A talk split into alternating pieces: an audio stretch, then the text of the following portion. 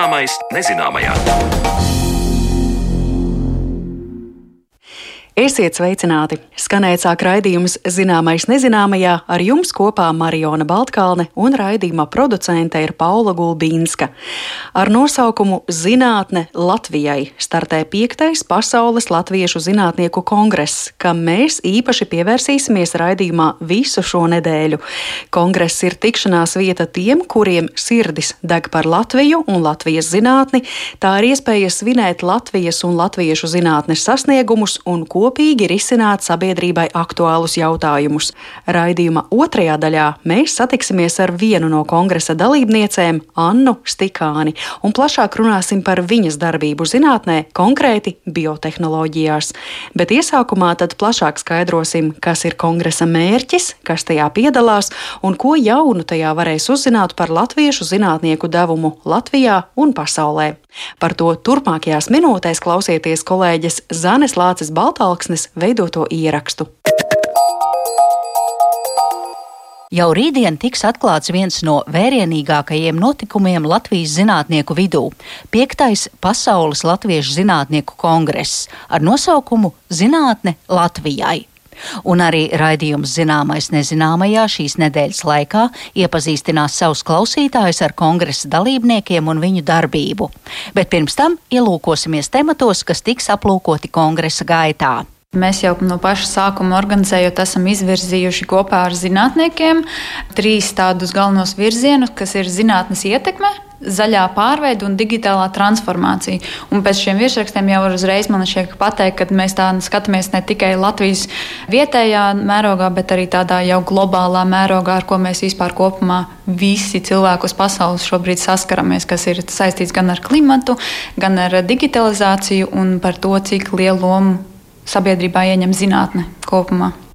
Tā piektā kongresa vadošos tematus ieskicēja Izglītības un zinātnes ministrijas, augstākās izglītības, zinātnes un inovāciju departamenta vecākā eksperte Anna Leiškalne.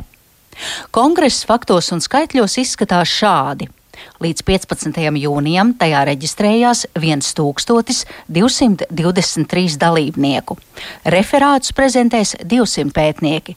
Līdztekus tam tiks organizēts doktorantu un zinātniskā grāda pretendentu konkurss, kurā dalībniekiem būs iespēja kongresa laikā uz lielās skatuves sacensties savā starpā ar divu minūšu garām prezentācijām par vissaistošāko sava pētījuma stāstījumu.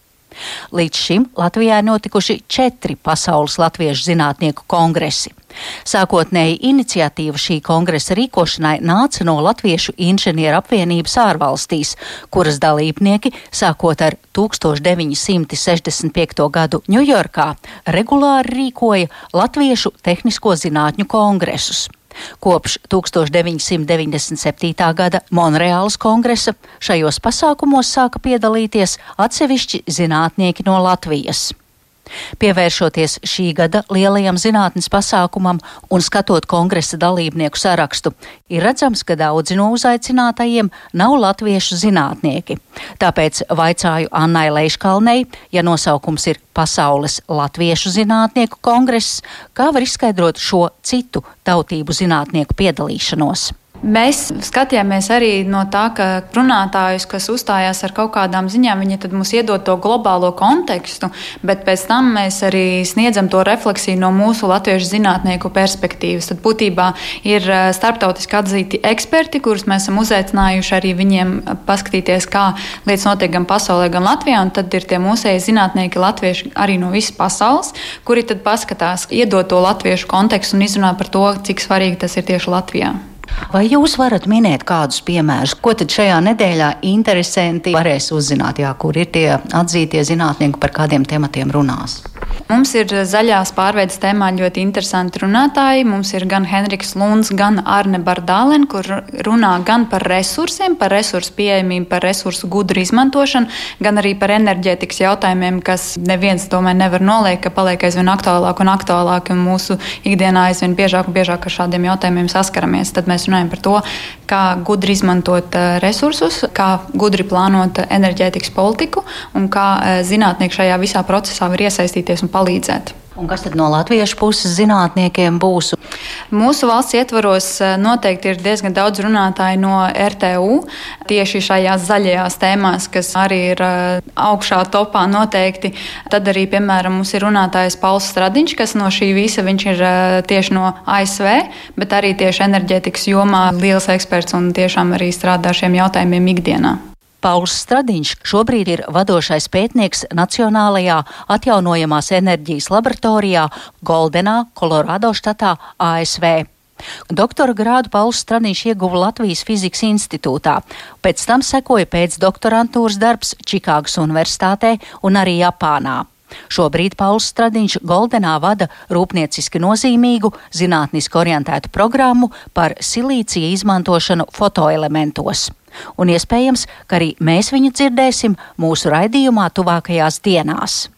Bet turpinājumā Annai Leiškalnei vaicāju, vai ir apkopota statistika par latviešu zinātniekiem pasaulē, kuri no kongresa dalībniekiem ir tādi, kas jau dzimuši un auguši ārpus Latvijas, dzīvo tur otrajā vai trešajā paudzē, un tādi, kas aizceļojuši pēdējo gadu laikā. Jā, mēs esam skatījušies, vākuši datus, mēģinājuši uzturēt kontaktus ar diasporas zinātniekiem. Viņi arī šajā kongresā ļoti lielu nu, pienesumu sniedz. Un mēs skatāmies, jā, ka piemēram Amerikas Savienotajās valstīs mums ir diezgan daudz tā vecā paudze, trinda zinātnieku, un tad mēs jau redzam arī, kad jau paudzēs pāriet, un tad mēs redzam nākamos zinātniekus. Bet, piemēram, Eiropā, apvienotā karaliste, Zviedrija, Somija, Vācija, tur jau mēs redzam šos nesen izceļojušos zinātniekus, kas jau ir iedzīvojušies gan tur, bet nu, būtībā mums tā Eiropas tās lielās valsts arī ir tādas vietas, kur koncentrējās latviešu zinātnieki. Un man šķiet, ka arī daļa no šiem zinātniekiem, ko varēs kongresā dzirdēt, redzēt, ir atgriezušies arī Latvijā. Man šķiet, Vēnspils augstskolas rektors. Jā, Vēnspils augstskolas rektors ir šis gadījums. Viņš vēl aizvien darbojās Zviedrijā, un tagad viņš ir nesen kļuvis par Vēnspils augstskolas eh, rektoru. Ļoti, ļoti priecājamies, jo tas ir tāda kosmosa nozara. Man liekas, ka šobrīd ir tāds milzu sprādziens notiek, un mēs vēl aizvien vairāk saprotam par to, ko Latvija var iesākt tieši kosmosa jomā un nozarē. Un mums ir ļoti spēcīgi spēlētāji, kur mēs arī iesaistamies Eiropas līmenī jau. Te runa ir par Andri Vaivadu, Ventspils augstskolas rektoru, kā arī profesoru Karaliskajā tehniskajā augstskolā Stokholmā. Andris Vaivats ir specializējies kosmosa fizikā, un vairāk kārt esam viņu dzirdējuši zināmais nezināmajā sižetos. Un arī šonedēļ mana kolēģe Mariona Baltkalne iztaujās Andri Vaivadu studijā. Bet Anna Leiškalna skaidro, cik lielā mērā Latvijai ir saistība ar kosmosa zinātnēm.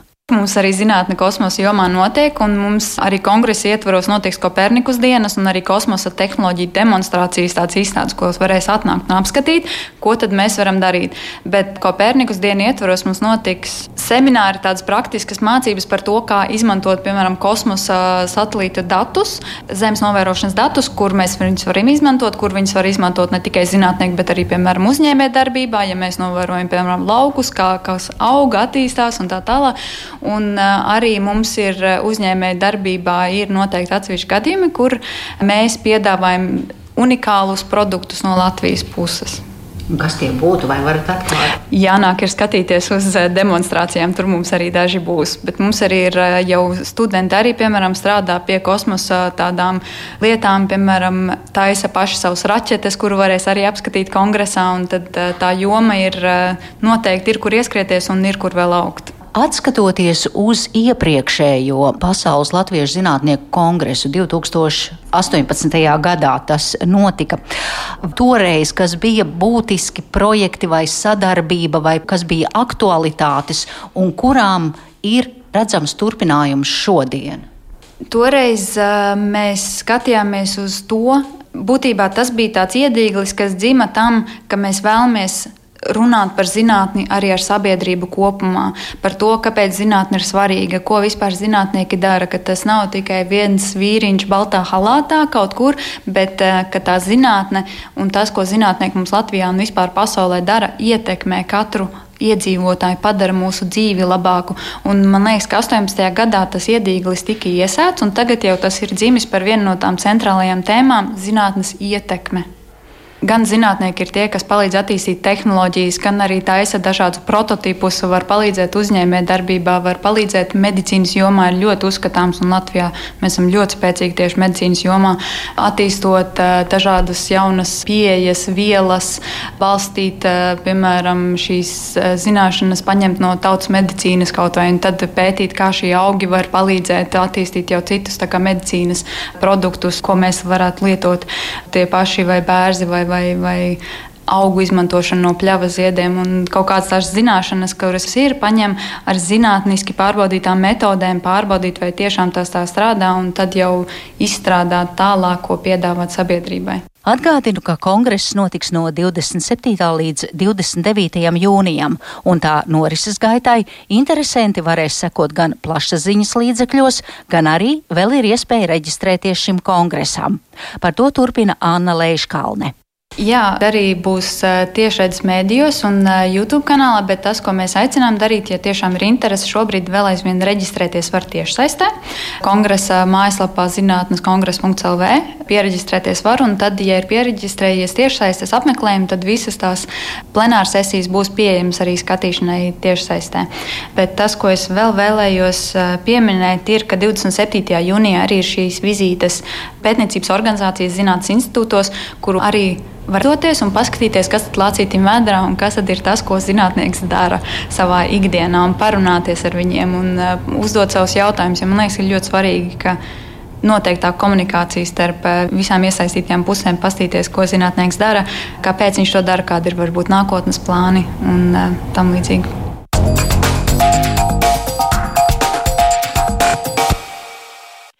Paldies Zanai Lācei Baltāksnei. Tas bija stāsts par to, kas ir Pasaules Latviešu zinātnieku kongress, bet vienu konkrētu zinātnieka stāstu aplūkosim raidījuma turpinājumā.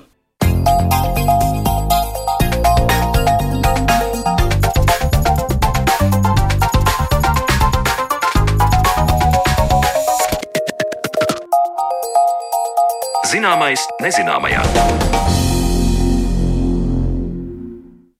Šonadēļ Latvijas zinātnes dzīvē gaidāms liels, ilgi gaidīts notikums - piektais Pasaules Latviešu zinātnieku kongress. Lai atzīmētu šo kuplo pulcēšanos, raidījumu šonadēļ esam veltījuši diasporas pētniekiem. Iepazīsim viņu pieredzi, pētījumus un pārdomas par dažādiem ar zinātni saistītiem jautājumiem.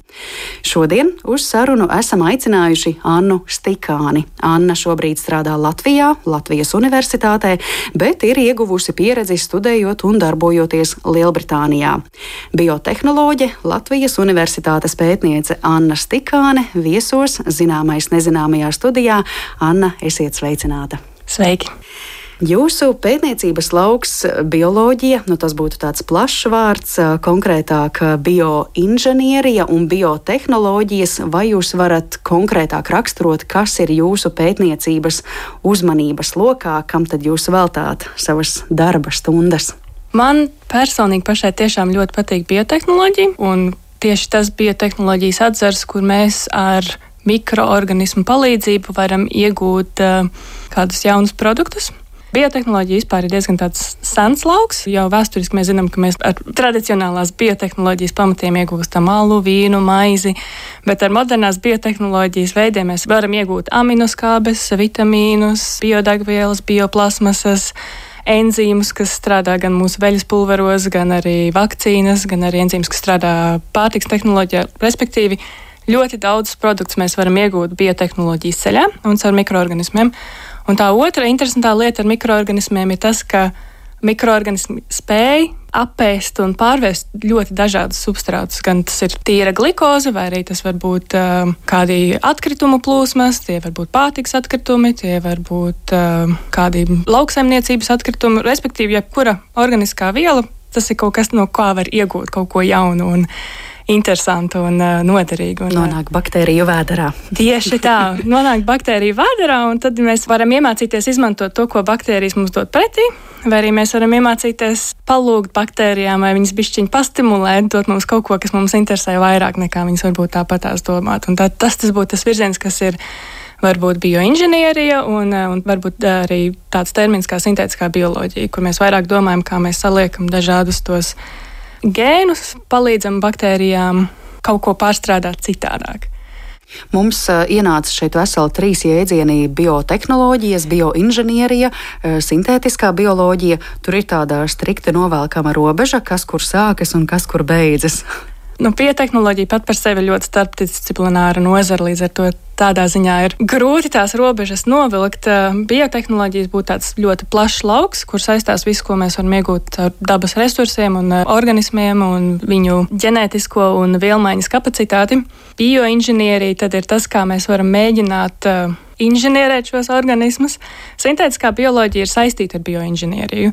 Sintētiskā bioloģija parasti ir tas, kā mēs tos dabas uzbūves elementus, tie ir gēni vai tie ir proteīni, mēģinam savietot kaut kādās jaunās kombinācijās un uh, skatīties, kas tur sanāk. Es jūtu, ka biotehnoloģijas tas vairāk sliektos uz to, ka baktērijas vai nu, vispār mikroorganismu mums jau kaut ko iedod, un tā inženierija un sintētiskā bioloģija vairāk velk uz to, ka mēs palūksim, ja? kā Jā. jūs teicāt, iedarbināsim to mehānismu.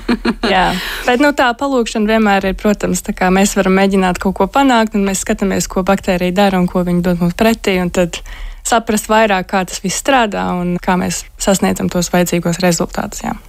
Un kas no visa šī plašā klāsta jūs minējāt par uh, alu un uh, atkritumiem, un vēl daudzām citām sfērām, kur mikroorganismi mums kaut ko labu dod?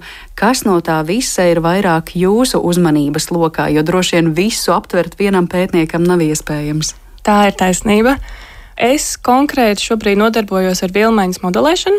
Tas ir savā ziņā saistīts ar šo plašo loku, jo, lai panāktu šos procesus, ļoti palīdz uh, visādi rīki, kā mēs spējam vispār to lielo dažādo elementu kopumu, kas tajā šūnās notiek, savā galvā organizēt un modelēt. Un es tādā ziņā strādāju ar vilmaiņas modeļiem. Tas ir datorizēti modeļi kur uh, mēs uh, šos vielmaiņas tīklus, kas notiek šūnās, mēģinām pārvērst datoru formā un uh, izsekot līdzi, kas notiek, ja tu iedod to vienu glikozi, kas ir cukurs, kā viņa var pa tiem vielmaiņas ceļiem iziet cauri un cik daudz produktu mēs varam saņemt un kas varētu notikt, ja kaut kādas reakcijas, kas notiek šajā tīklā, mēs mēģinām izslēgt vai pievienot klāt.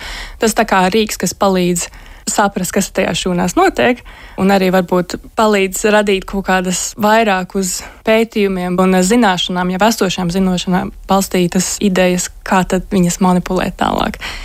Bet jums par atskaites punktu var kalpot jebkādi mikroorganismi. Jūs neskatāties konkrēti tādu baktēriju, kura dod tādu vai tādu produktu. Baktērijas ir kā tāds jūsu kopums, un jūs par visām mēģināt saprast tos vielmaiņas procesus. Jā? Protams, ir vieglāk, ja mēs fokusējamies uz vienu organismu. Es savā ziņā lielā mērā darbojos ar Ešerīkiju koli vielmaiņas modeļiem bet tāpēc, ka ir vieglāk saprast, kā to vielmaiņas modeli, kā rīku modificēt jau zināmam organismam. Tā ir tā slavenā zarnu nūjiņa. Jā? Tā ir tā slavenā mm. zarnu nūjiņa, kas ir ļoti plaši izpētīta, arī visas jaunās metodoloģijas un rīki tiek veidoti balstoties uz šo, tāpēc, ka mēs zinām ļoti daudz, tad mēs varam pārbaudīt, vai tas, ko mēs iegūstam, izstrādājot kaut ko jaunu, pasaka tiešām to, ko mēs sagaidām, un tad mēs varam to virzīt tālāk uz citiem organismiem. Bet uh, tas nenozīmē, ka šo vilmaiņas modelēšanu var veikt tikai vienai zarnu noiņai. To, protams, var darīt daudziem dažādiem organismiem. Protams, jo vairāk mums ir informācijas par konkrētu organismu, jo vieglāk ir uh, uztaisīt datorizētu modeli, kas tiešām arī dod jēdzīgus atbildes. Jo nu, datoriem ir tā, ka viņš jau tev kaut ko pateiks, arī šādi GTP tev kaut ko pateiks, vai tas ir patiesa Tas tev pašam ir jāsaprot. Un, uh, tad, jo vairāk zināšanas, jo vairāk datus, ko balstīties un pamatot, jo vairāk ir saprast, vai tas, ko mums uh, šī modelēšanas pieeja dod atpakaļ, vai tā ir tiešām taisnība vai nē. Vai cik liela taisnība tur varētu būt. Sakiet, kā tas process izpaužas praktiski? Jūs minējāt, ka par ešerīhie koli mēs zinām gana daudz, kāds ir šis organisms. Tad uh, jūs ņemat lietā tās eh, zināšanas, kas par šo mikroorganismu ir uh, pieejamas, un kā jūs tagad to savedat kopā ar tām datoru programmām? Kā tas aiziet tālāk? Nu, sākotnēji ir nepieciešams vielmaiņas modelis. Tos bāzē no genoma informācijas, ja ir eh, nosakvenēts genoms šūnai, tas ir respektīvi kādi gēni, kādas ķīmiskās reakcijas tur notiek, tad ir konkrēts datorprogrammas uztaisīts, ar kurām var veidot tīklus, kā tās reakcijas pāriet. Un, piemēram, no vienas glikozes, tur ir gara reakcija virkne, bet beig beigās būs divi piruāti, kas tur tālāk iet tur eh, nākamajās reakcijās. Šīs zināšanas var salikt tādā datorizētā formā. Tiešām veidojas kā tāds tīkls. Tas sākas ar tām ķīmiskajām reakcijām, tad nākamais ir, eh, ko mēs vēl zinām. Vai mēs zinām, kas ir tie vidas parametri, kur mēs pieņemsim, ka šis eh, datoru modelis atradīsies?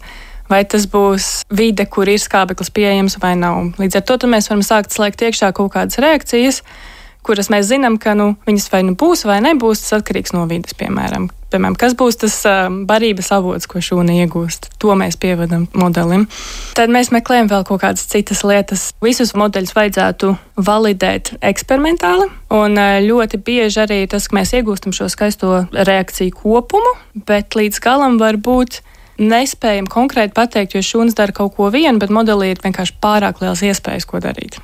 Jo nu, tur ir visas reakcijas, bet tas nenozīmē, ka viņas visas ir ieslēgtas. Tad ir jādomā, kā mēs ieliekam kaut kādus gēnu vai reakciju regulāciju, kas šūnās var notikt. Jā, un arī šie eksperimentālie dati. Mēs varam veikt šo eksperimentu, nomērīt, kādi gēni ir konkrētajā situācijā ieslēgti vai kādas organiskās vielas atrodas šūnā konkrētajā brīdī. To tad atgriezt atpakaļ uz modeli un iegūt precīzāku bildi arī modelim un tad var saprast vairāk, kas tur īsti notiek. Es jūsu stāstīto um, iztēlojos tā kā tādu mapīti vai drīzāk pat biezu enciklopēdiju, kurā ir aprakstīts nu, te jau viss, ko mēs par šo baktēriju, šīs baktērijas vilmaiņu, vilmaiņas ceļiem vien varam iegūt. Dzīvē enciklopēdijām top vēl otrais un trešais sējums. tā arī jūsu tīkls nemitīgi papildinās. To var tā vienkāršot tā, raksturot. To pilnīgi noteikti to var, jo viss sākas ar to, kas ir pieejams, un tad mēģina ielikt vairāk un vairāk. Un Ir daudzas grupas pasaulē, kas arī tieši mēģina izdomāt dažādus veidus, ko vēl vai kādā veidā mēs varam pielikt. Mēs šobrīd nevaram pilnīgi visu pielikt, jo tad modelim it kā pazūd tā spēja paredzēt lietas. Nu, vienkārši mēs par daudz nosakām, ko mēs gribam redzēt, un tad tas modelis saka to, ko mēs gribam redzēt, bet nenozīmē, ka tas tiešām ir taisnība. Tādā ziņā tiešām ir daudz grupas, kas domā gan ielikt vairāk kaut kādas termodinamiskos, kā, fiziskos parametrus eh, vai algoritmus šajā konkrētajā modelī. Bet vai tas nozīmē, lai šādu tīklu pastāvīgi attīstītu, vai kā es te pielīdzināju ar enciklopēdijām, mm -hmm. ja, lai mēs šos enciklopēdiju sējumus turpinātu veidot, tad tas eksperimentu process ir nebeidzams, vai tomēr var sasniegt robežu, kurā mēs saprotam, nu vairāk jau mēs laikam no tās E. coli baktērijas nedabūsim ārā. Es domāju, ka vienmēr ir veidi un metodas, ko likt klāt. Tā arī būs. Vienmēr jautājums ir, kāds ir pētījuma mēķis. Un kas ir pietiekami labs rezultāts? nu jā, vienmēr var tos apstākļus mainīt, tieši kuros tā, baktērija uzturas. Tieši tā. Viena no lietām, kas man liekas ļoti interesants, ir, nu, mēs šobrīd modeļos parasti liekam vienu vai divus dažādus, vai varbūt maksimums trīs dažādus substrātus. Substrātus domāju kā, kā konkrēts molekulas, kurš ieliec eh, modelī kā ieejas punkts bet ļoti daudz no, piemēram, atkritumu plūsmām, atkritumu substrātiem. Tur ir ļoti daudz dažādas molekulas. Un, ja mēs ieliksim visas tās daudzās dažādās, tad tas modelis mums var pateikt ļoti, ļoti daudz ko, bet neko, kas reāli notiek, jo vienkārši tur ir pārāk liela nenoteiktība. Un eh, tad ir jāsaprot, kā mēs varam attīstīt šos rīkus un tehnoloģijas, lai mēs saprastu arī vairāk, kas notiek, ja mēs ieliekam daudzus dažādus barības avotus. Jo šūna vienmēr izvēlēsies. Viņai būs barības avoti, kas viņai patiks labāk, tādi, kas patiks sliktāk. Viņi tos priekšroku vieniem citiem, tur ir kaut kāda sekvence, kas reāli dzīvē notiek, bet to vēl mūsu šī brīža rīki nespēja panākt. Anna, kā jūs raugāties uz uh, sava ieguldījuma zinātnē nozīmību, vai tas ir drīzāk, eh, teiksim, veidot šos daudzos eh, tīklus, sākotnēji par e-kolī, lai to pašu varētu darīt ar daudzām citām baktērijām, un tālāk saprastu, ko šīs baktērijas var mums praktiski dot, tātad tādas pielietojamās zinātnes virzienā, vai tas ir drīzāk stāsts par fundamentālo zinātni, ka mēs tiešām veidojam sējumus, un mēs pastāstam pasaulē, cik dažādas ir šīs baktērijas. Es piekrītu, ka baktērijas ir ļoti dažādas, un man liekas, tas ir ļoti unikāli tās dažādas spējas, ko viņas ar savu vielmaiņu var izdarīt. Man personīgi vairāk tiešām patīk šīs pielietojamās īpašības un pielietojamie veidi, kur mēs to varam praktiski pielietot. Tā kā es noteikti skatos vairāk uz to praktisko pusi. Attiecīgi, ja mēs eh, izpētam maksimāli eksperimentu ceļā, ko šī baktērija mums dod, mēs varētu izdomāt, kā mēs vēl varam pamainīt apstākļus, lai kaut ko vēl no tās iegūtu. Ja? Tas tas bioinženierijas stāsts. Jā, jā piekritīšu. Mm -hmm. Cik tālu jūs esat savā pētniecībā šobrīd, eh, vai ir aktuāls kāds projekts, vai arī kaut kas ir noslēdzies? Šobrīd ir aktuāls pētniecības projekts par eh, fermentācijas atkritumu valorizāciju.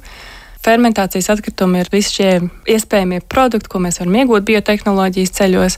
Virzoties uz nākotni un uh, ilgspējīgāku attīstību, es paredzu, ka mēs izmantosim vēl vairāk biotehnoloģijas un fermentācijas uh, veidus, lai iegūtu vēl vairāk dažādus biomateriālus. Tas ir viens no veidiem, kā mēs varam pāriet no tās uh, plasmasas un fosilās vides uz tiešām biomateriālu vidi un iegūt daudz no tām vielām, ko mēs iegūstam šobrīd varbūt ne no bio, bet varbūt no fosiliem substrātiem, tiešām no biosubstrātiem. Un līdz ar to visos šajos procesos radās tie fermentācijas atkritumi, ko bieži var arī vienkārši salīdzināt kā mirušas šūnas. tas ir tas, kas paliek pāri no bioreaktora, kad mēs iegūstam savu produktu. Un man ļoti interesē, kā šo organisko substrātu atkal varētu atkārtot izmantot. Un tas ir tas, pie kā es šobrīd strādāju doktorantūras projektā.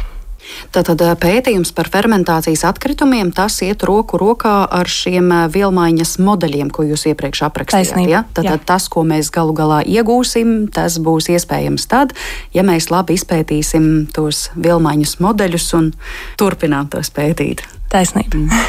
Bet, Anna, jūsu zinātnieces aprakstā ienāk arī tāds jēdziens kā mākslīgā fotosintēze. Vai nu jūs šobrīd ar to strādājat, vai esat strādājusi, un tagad, nu, lūdzu, atklājiet, kā ir iespējama mākslīgā fotosintēze, ja mēs zinām, ka tas ir process dabā ar zaļiem augiem, saules gaismu, bet te, lūk, mākslīga. Jā, mākslīgā fotosintēze ir joma, pie kuras es strādāju savas doktorantūras laikā Lielbritānijā. Te īsti parunāsim par to, kas ir dabīgā fotosintēze. Tas ir jā, process ar augiem, kur saules gaisma izraisa ķīmisku reakciju virkni organismos. Un viņi pārvērš to gaismas enerģiju ķīmiskajās saitēs. Mēs varam to savā ziņā vienkāršot kā nu, degvielu, jo mēs arī ēdam un iegūstam enerģiju, teiksim, degvielu. Un uh, ir procesi šajos augos, tās pirmās reakcijas, kas viņam notiek, ir ļoti, ļoti, ļoti efektīvas. Tur tās molekulas ir izveidojušās ļoti optimāli, jo tā ir tiešām nanozinātne. Mēs runājam par dabu kā pašu labāko nanoinženieri, jo tur ir evolūcijas laikā gadu gados tās molekulas ir ļoti precīzi savietojās viena otrai blakus. Un tas enerģijas pārneses veids no tās gaismas uz elektroniem un tālāk uz tām ķīmiskajām reakcijām ir diezgan optimāls. Protams, mēs visi domājam, kā ilgspējīgāk dzīvot. Mums interesē, kā mēs varam iegūt šo enerģiju no gaismas. Viens no veidiem ir uh, saules baterijas, kas ir pazīstams. Tas ir, mēs iegūstam gaismas enerģiju, pārvēršam elektronos, kas ir elektrībā. Un tad mākslīgā fotosintēze būtu tas nākamais solis, iegūt to saules enerģiju un tiešām ražot ķīmisku savienojumu, kas uzglabā enerģiju, piemēram, degvielu, piemēram, ūdeņradi. Tas ir viens no tā tādiem vieglākajiem ķīmiskajām reakcijām, ko mēs varētu iegūt. Un tad uh, šis mans uh, doktorantūras projekts bija mēģinājums iedvesmoties no tām fotosintēzes, kas notiek augos, un mēģināt varbūt atveidot tos procesus, kas notiek augos. Ar drusku citām molekulām. Es izmantoju vienu mikroba proteīnu. Organismu sauc Chevanelonidiensis. Viņai ir eh, membrānas proteīns, membrāna, kas atdala šūnas iekšēnu no šūnas ārienu. Viņai ir proteīns, kuram ir izvietojušās tādas hēma grupas, kas faktiski funkcionē kā tāds vadiņš, kas ļauj elektronus pārnest no vienas puses uz otru pusi. Un tas ir kaut kas līdzīgs, kas notiek arī fotosintēzē, ka ir divi dažādi nodalījumi. Vienā notiek viena reakcijas daļa, otrā notiek otra reakcijas daļa. Un tad mēs mēģinājām atveidot šo sadalījumu nanoorganismā, ka tev ir eh, nano mērogā. 10 mīnus 9. pakāpē. Tieši tā, tieši tā. Tas ir tāds. Eh, tas ir viens no izaicinājumiem, ka to nevar ieraudzīt. To pat ar mikroskopu nevar ieraudzīt. Tur vajag speciāls elektronu mikroskops, lai vispār saprastu, kas tur notiek. Un tas ir izaicinājums, kā panākt uh, kaut kādu spēju kontrolēt, kā tās molekulas izvietojās. Tur ir balsts uz ķīmijas un biofizikas pamatlietām, kādas tur uh, savstarpējas miedarbības starp molekulām var notikt, lai mēģinātu saorganizēt to. Es pareizi sapratu, tā bija baktērija, kuru jūs izmantojāt. Es izmantoju proteīnu no šīs baktērijas. Tas ir process, kurā mēs pavērojam šo baktēriju, lai mēs iegūtu attīrītu šo proteīnu. Tad saliku kopā ar uh, citām molekulām, šajā gadījumā tie bija lipīdi, lai izveidotu to nodalījumu, un tad es liku klāt arī nanodaļiņas, kas bija atsevišķi kā neorganiski sintēzētas un, un skatīties. Vai mēs varam iegūt kaut kādu enerģiju vai paveikt kādu mazu darbu no uh, ķīmisku darbu? Nu, kā ir iespējama mākslīga fotosintēze? Es teiktu, ka ir, bet tas efektivitātes procents, diemžēl, nav tik augsts, lai to būtu rentabli attīstīt tālāk. Bet tas ir maziņš, maziņš posms uz priekšu, un es paredzu, ka interese par iegūt šo mākslīgo fotosintēzi un konvertēt saules enerģiju degvielā tas notiek. Un, uh, Domāju, ka to mēs varam arī sagaidīt. Un, un arī šis mazais procesiņš, ko es izpētīju savā doktorantūras laikā, tas dod atbildes par to, kā tad organizēt vai apvienot vai sakārtot tās molekulas un ko mēs iegūstam no tāda veida. Jūs jau minējāt, un arī es minēju ievadā, ka esat uh, studējusi un darbojusies uh, Lielbritānijā.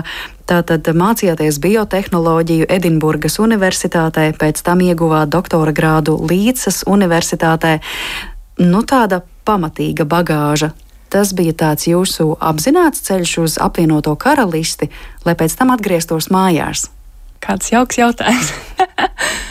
Savā ziņā, jā, es devos uz Lielbritāniju, jo Man ļoti interesē bioloģija. Un, lai arī tad, kad es varbūt ierados Edinburgā sākumā, man nebija varbūt tik ļoti skaidrs, kas tieši no bioloģijas, jo bioloģija ir liela, ļoti liels lauks.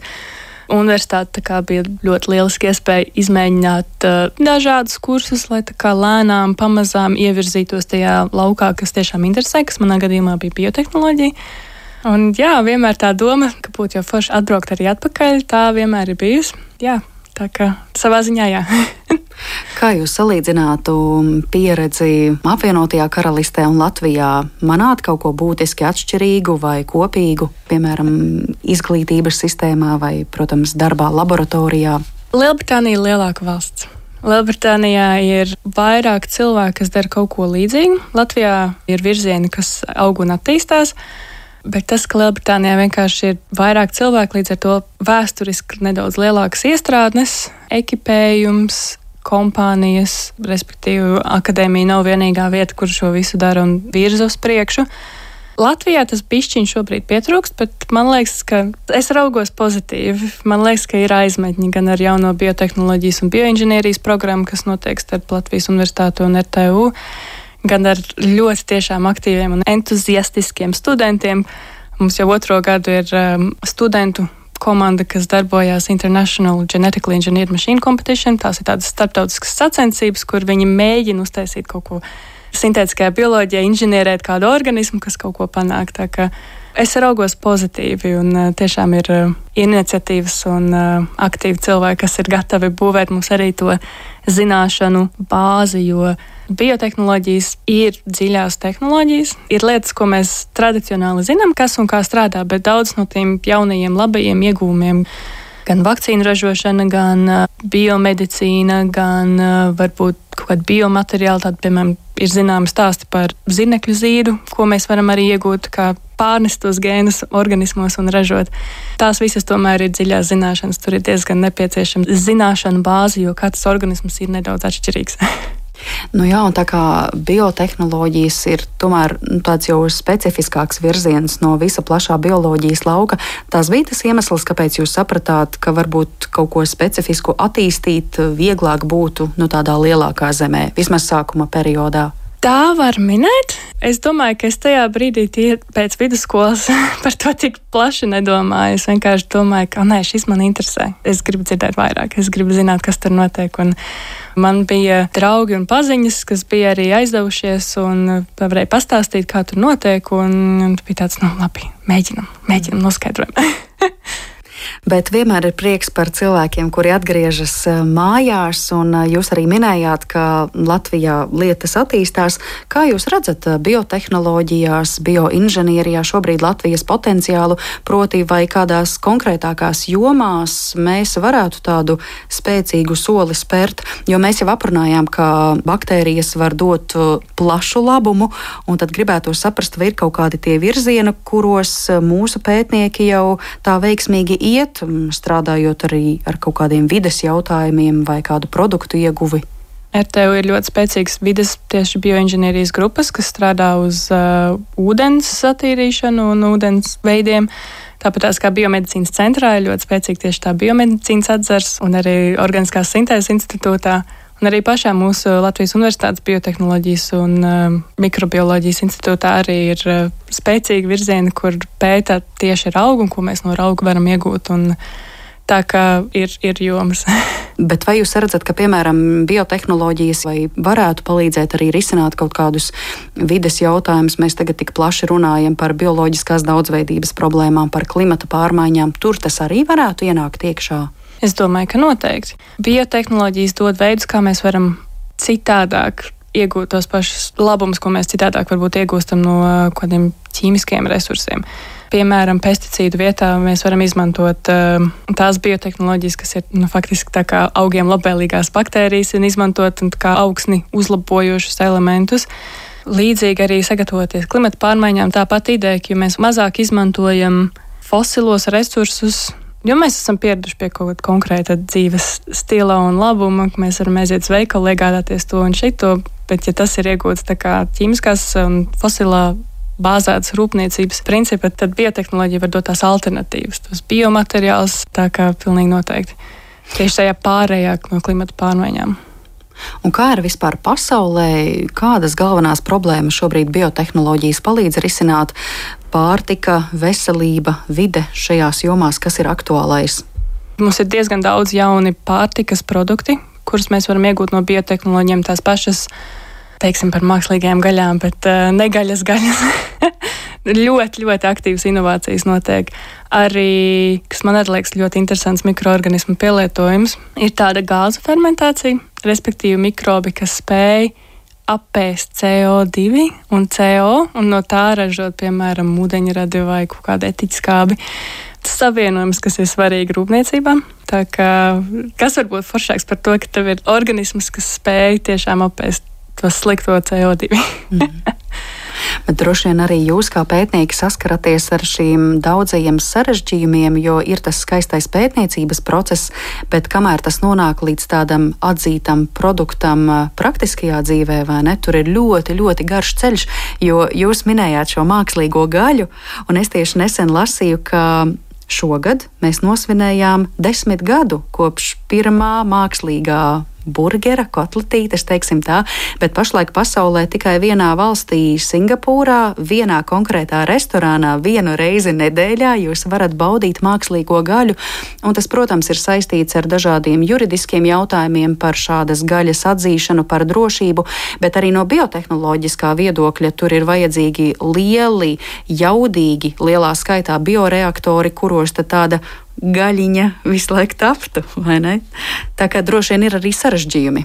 Protams, tāpēc biotehnoloģija ir ļoti starpnozaru lauks, kurā tiešām sanāk gan inženieri, kas būvē tos bioreaktorus un to ierīces, kā mēs varam to iegūt. Ir uh, biologi, kas mēģina saprast, uh, kas notiek tieši šūnās. Ir arī pārtiks tehnoloģi, kas domā, kā savienot dažādos materiālus. Arī viens no piemēriem tieši šīs mākslīgās gaļas jautājums, jo nu, Dažādus alternatīvos proteīnus mēs jau zinām. Mēs varam iegūt alternatīvus proteīnus no um, insektiem, no zirņiem, no arī mikrobiem. Ir uh, organismi, kurus un sēnēm, kas tiek speciāli audzēti kā mākslīgie proteīni.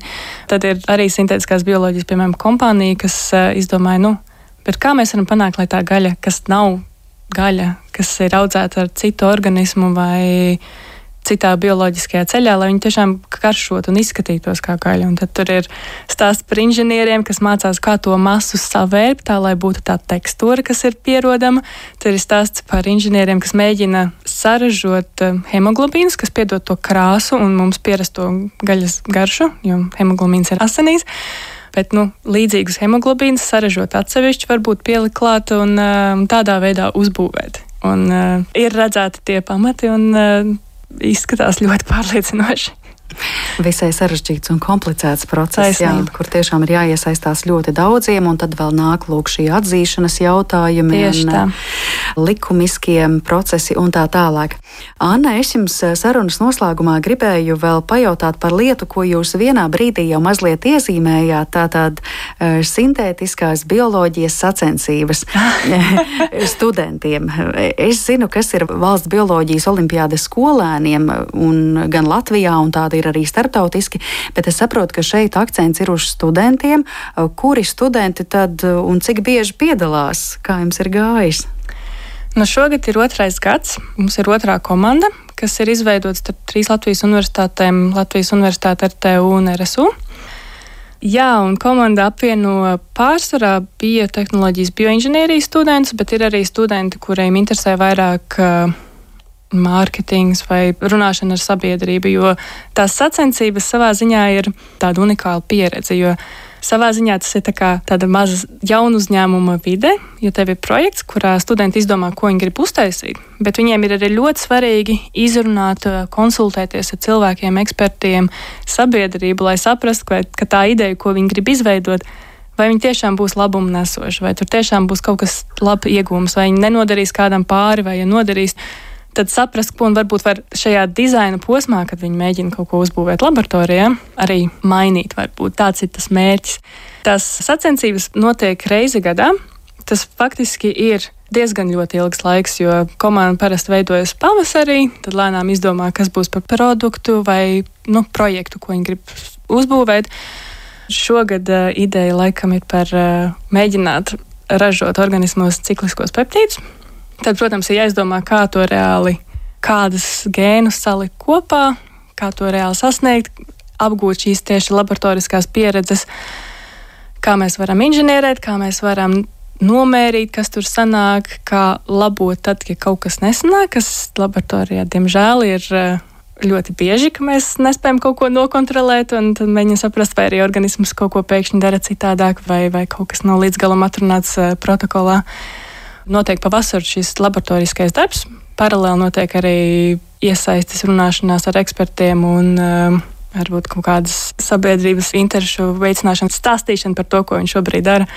Un tad uh, novembrī viņi dodas uh, uz Parīzi un prezentē starptautiski, ko viņi ir sasnieguši, ko viņi darījuši. Tas ir tiešām tāds liels, liels, liels unikāls notikums, kur ir uh, studentu tādas pašas komandas no visas pasaules, kas sabrauc un stāsta, ko viņi darījuši. Tad var saprast, kurš cik tālu ir ticis, kādas ir bijušas tās problēmas, tur sadraudzēties, saprast. Jo šo sacensību komūna, teiksim, tā ir tiešām ļoti, ļoti atvērta un uh, jauka cilvēka, un tur var izveidot kontaktus. Un, uh, Es pati esmu piedalījusies šajās sacensībās, kad es studēju Edinburgā, un uh, kopš tā laika joprojām man ir ļoti siltas attiecības, un man ļoti liels prieks arī mentorēt viņus tālāk.